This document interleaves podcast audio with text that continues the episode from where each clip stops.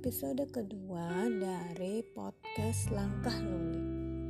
Kali ini saya akan berbagi cerita tentang tips menyemangati diri.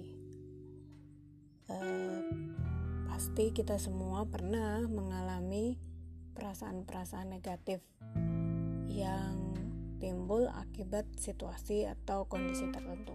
Misalnya perasaan down atau sedih kecewa, marah, atau perasaan negatif lainnya. Manusiawi sih, dan sangat manusiawi kalau kita merasakan hal-hal itu. Lagi pula hidup tidak selalu penuh kebahagiaan kan, ada juga batu sandungan-batu sandungan atau pengalaman-pengalaman ketika kita kemudian merasa kecewa karena apa yang kita harapkan tidak tercapai atau merasa kecewa karena harapan dan kenyataan tidak sesuai, atau kita merasa sedih ketika kita kehilangan. Apakah itu kehilangan seseorang yang sangat dekat dengan kita, seseorang yang sangat kita cintai, seseorang yang pernah ada dalam hidup kita, atau kehilangan barang sekalipun kita biasanya sedih karena ada yang kehilangan.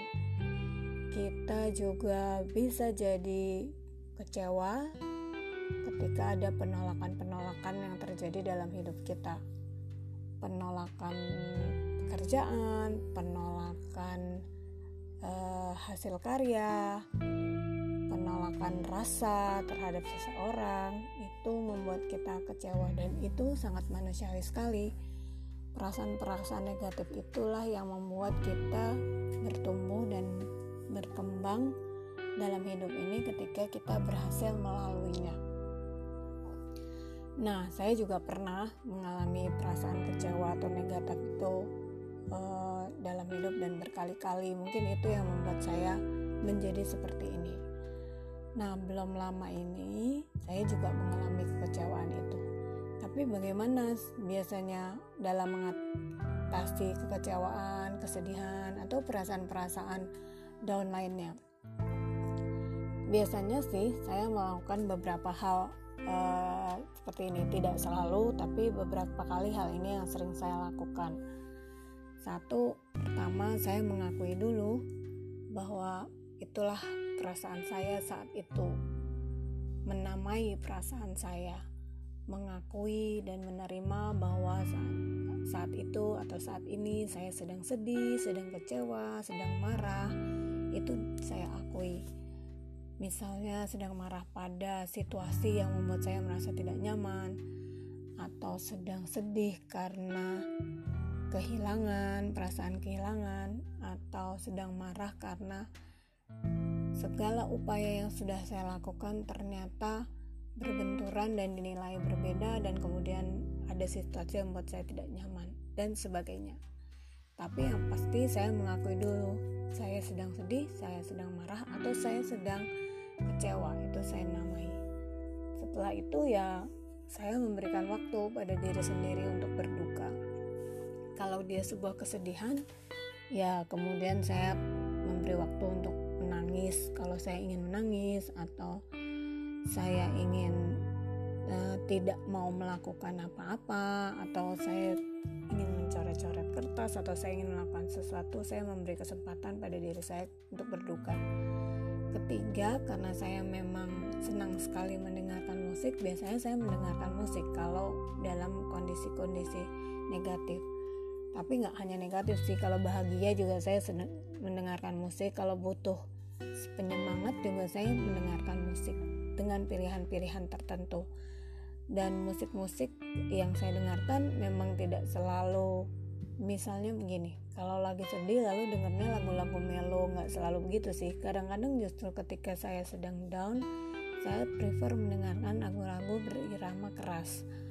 Uh, rock progresif rock atau lagu-lagu balada yang keras ngebeat gitu itu saya dengarkan. Ya untuk melampiaskan kesedihan dan kemarahan tapi kadang juga saya mendengarkan lagu-lagu yang bernada slow, lembut, uh, justru saat ketika saya bahagia untuk merasakan kebahagiaan. Tapi mendengarkan musik ketika down itu salah satu cara saya mengatasi perasaan itu. Yang keempat mengekspre mengekspresikan kemarahan dan kesedihan atau kekecewaan itu dalam bentuk tulisan.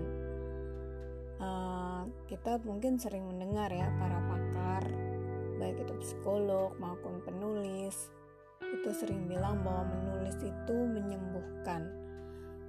Mungkin karena kita mengekspresikan atau kita men mengekspresikan apa yang kita rasakan dalam bentuk tulisan itu salah satu alasan mengapa menulis itu menyembuhkan.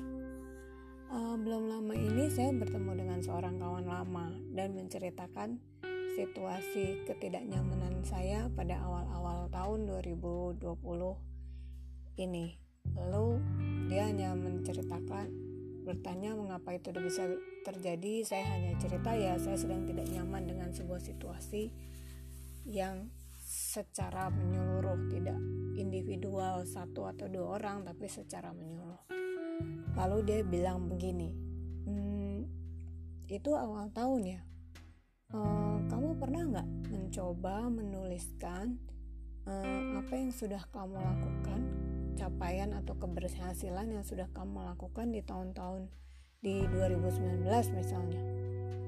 Hmm, saya lalu kemudian hmm, mengingatnya sih iya tapi menuliskannya belum.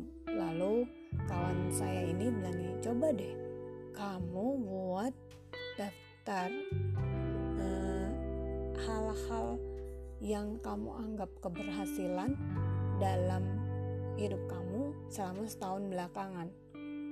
Hmm, nah, saya kemudian mencoba me mengingat-ingat kejadian-kejadian yang buat saya bahagia di tahun lalu.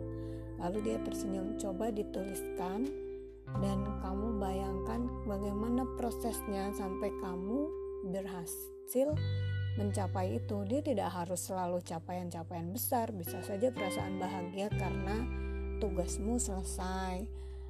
Itu bikin aja itu bisa menyenangkan loh kata sahabat saya ini. Saya pun mengingat saya menjawabnya yang ini iya ya mengingat kejadian-kejadian bahagia itu saja saya sudah bahagia.